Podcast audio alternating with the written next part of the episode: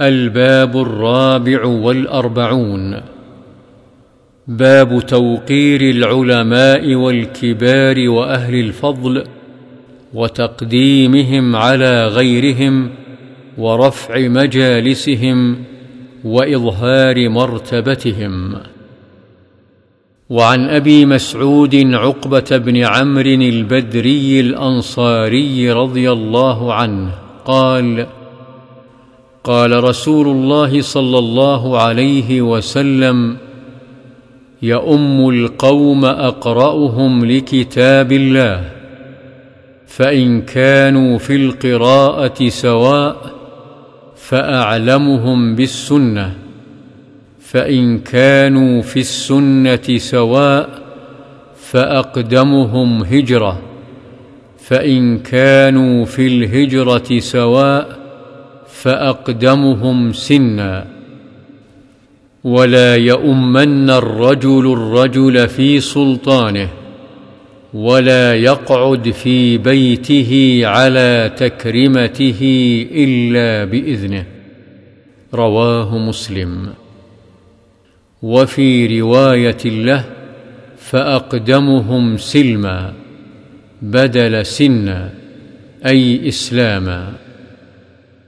وفي رواية يؤم القوم أقرأهم لكتاب الله وأقدمهم قراءة فإن كانت قراءتهم سواء فيؤمهم أقدمهم هجرة فإن كانوا في الهجرة سواء فليؤمهم أكبرهم سنا.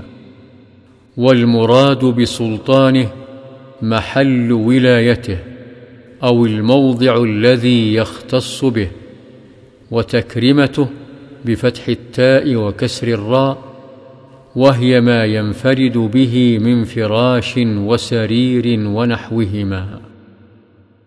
وعنه رضي الله عنه قال كان رسول الله صلى الله عليه وسلم يمسح مناكبنا في الصلاة ويقول استووا ولا تختلفوا فتختلف قلوبكم ليلني منكم أولو الأحلام والنهى ثم الذين يلونهم ثم الذين يلونهم وقوله صلى الله عليه وسلم ليلني هو بتخفيف النون وليس قبلها ياء وروي بتشديد النون مع ياء قبلها والنهى العقول وأولو الأحلام هم البالغون وقيل أهل الحلم والفضل.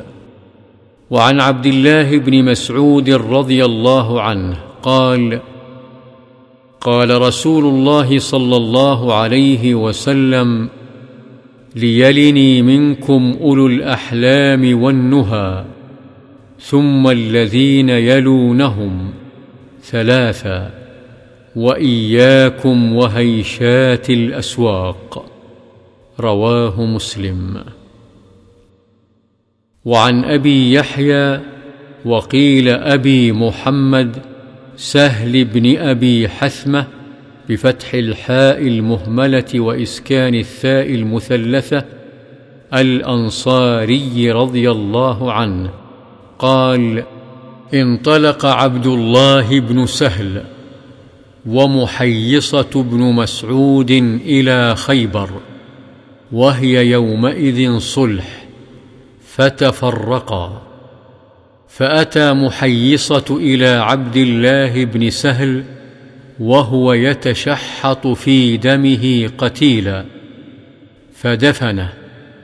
ثم قدم المدينة. فانطلق عبد الرحمن بن سهل ومحيصة وحويصة بن مسعود إلى النبي صلى الله عليه وسلم. فذهب عبد الرحمن يتكلم فقال كبر كبر وهو أحدث القوم. فسكت فتكلما فقال أتحلفون وتستحقون قاتلكم؟ وذكر تمام الحديث متفق عليه. وقوله صلى الله عليه وسلم كبر كبر معناه يتكلم الأكبر. وعن جابر رضي الله عنه أن النبي صلى الله عليه وسلم كان يجمع بين الرجلين من قتلى أحد يعني في القبر. ثم يقول أيهما أكثر اخذا للقرآن؟ فإذا أشير إلى أحدهما قدمه في اللحد. رواه البخاري. وعن ابن عمر رضي الله عنهما أن النبي صلى الله عليه وسلم قال أراني في المنام أتسوك بسواك فجاءني رجلان. أحدهما أكبر من الآخر. فناولت السواك الأصغر منهما. فقيل لي كبر. فدفعته إلى الأكبر. رواه مسلم مسندا والبخاري تعليقا وأبو داود. وعن أبي موسى رضي الله عنه قال قال رسول الله صلى الله عليه وسلم إن من إجلال الله تعالى إكرام ذي الشيبة المسلم وحامل القرآن غير الغالي فيه والجافي عنه وإكرام السلطان المقسط.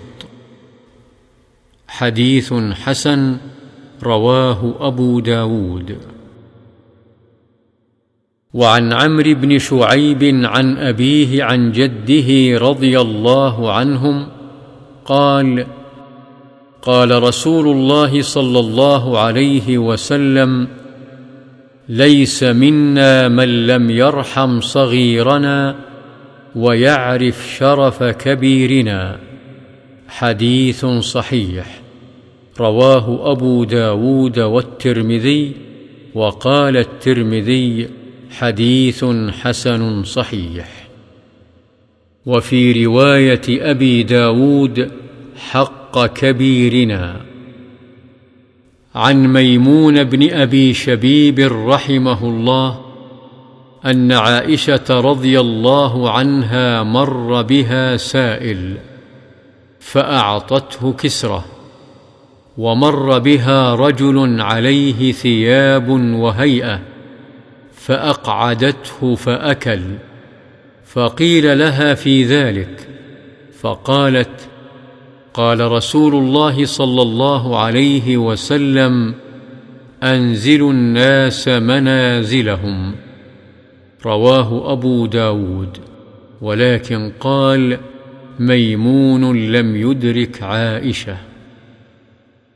وقد ذكره مسلم في أول صحيحه. تعليقا فقال وذكر عن عائشة رضي الله عنها قالت أمرنا رسول الله صلى الله عليه وسلم أن ننزل الناس منازلهم. وذكره الحاكم أبو عبد الله في كتابه معرفة علوم الحديث وقال هو حديث صحيح. قال الألباني وليس كما قال. وأورده في سلسلة الأحاديث الضعيفة. وعن ابن عباس رضي الله عنهما قال قدم عيينة بن حصن فنزل على ابن أخيه الحر بن قيس وكان من النفر الذين يدنيهم عمر رضي الله عنه. وكان القراء أصحاب مجلس عمر ومشاورته كهولا كانوا أو شبانا. فقال عيينة لابن أخيه يا ابن أخي لك وجه عند هذا الأمير فاستأذن لي عليه. فاستأذن له فأذن له عمر رضي الله عنه فلما دخل قال هي ابن الخطاب فوالله ما تعطينا الجزل ولا تحكم فينا بالعدل. فغضب عمر رضي الله عنه حتى هم أن يوقع به فقال له الحر يا أمير المؤمنين إن الله تعالى قال لنبيه صلى الله عليه وسلم خذ العفو وأمر بالعرف وأعرض عن الجاهلين وإن هذا من الجاهلين. والله ما جاوزها عمر حين تلاها عليه. وكان وقافا عند كتاب الله تعالى. رواه البخاري. وعن أبي سعيد سمرة بن جندب رضي الله عنه قال لقد كنت على عهد رسول الله صلى الله عليه وسلم غلاما فكنت أحفظ عنه فما يمنعني من القول إلا ان هنا رجالا هم أسن مني. متفق عليه. وعن أنس رضي الله عنه قال قال رسول الله صلى الله عليه وسلم ما أكرم شاب شيخا لسنه إلا قيض الله له من يكرمه عند سنه. رواه الترمذي وقال حديث غريب. قال الألباني حديث ضعيف.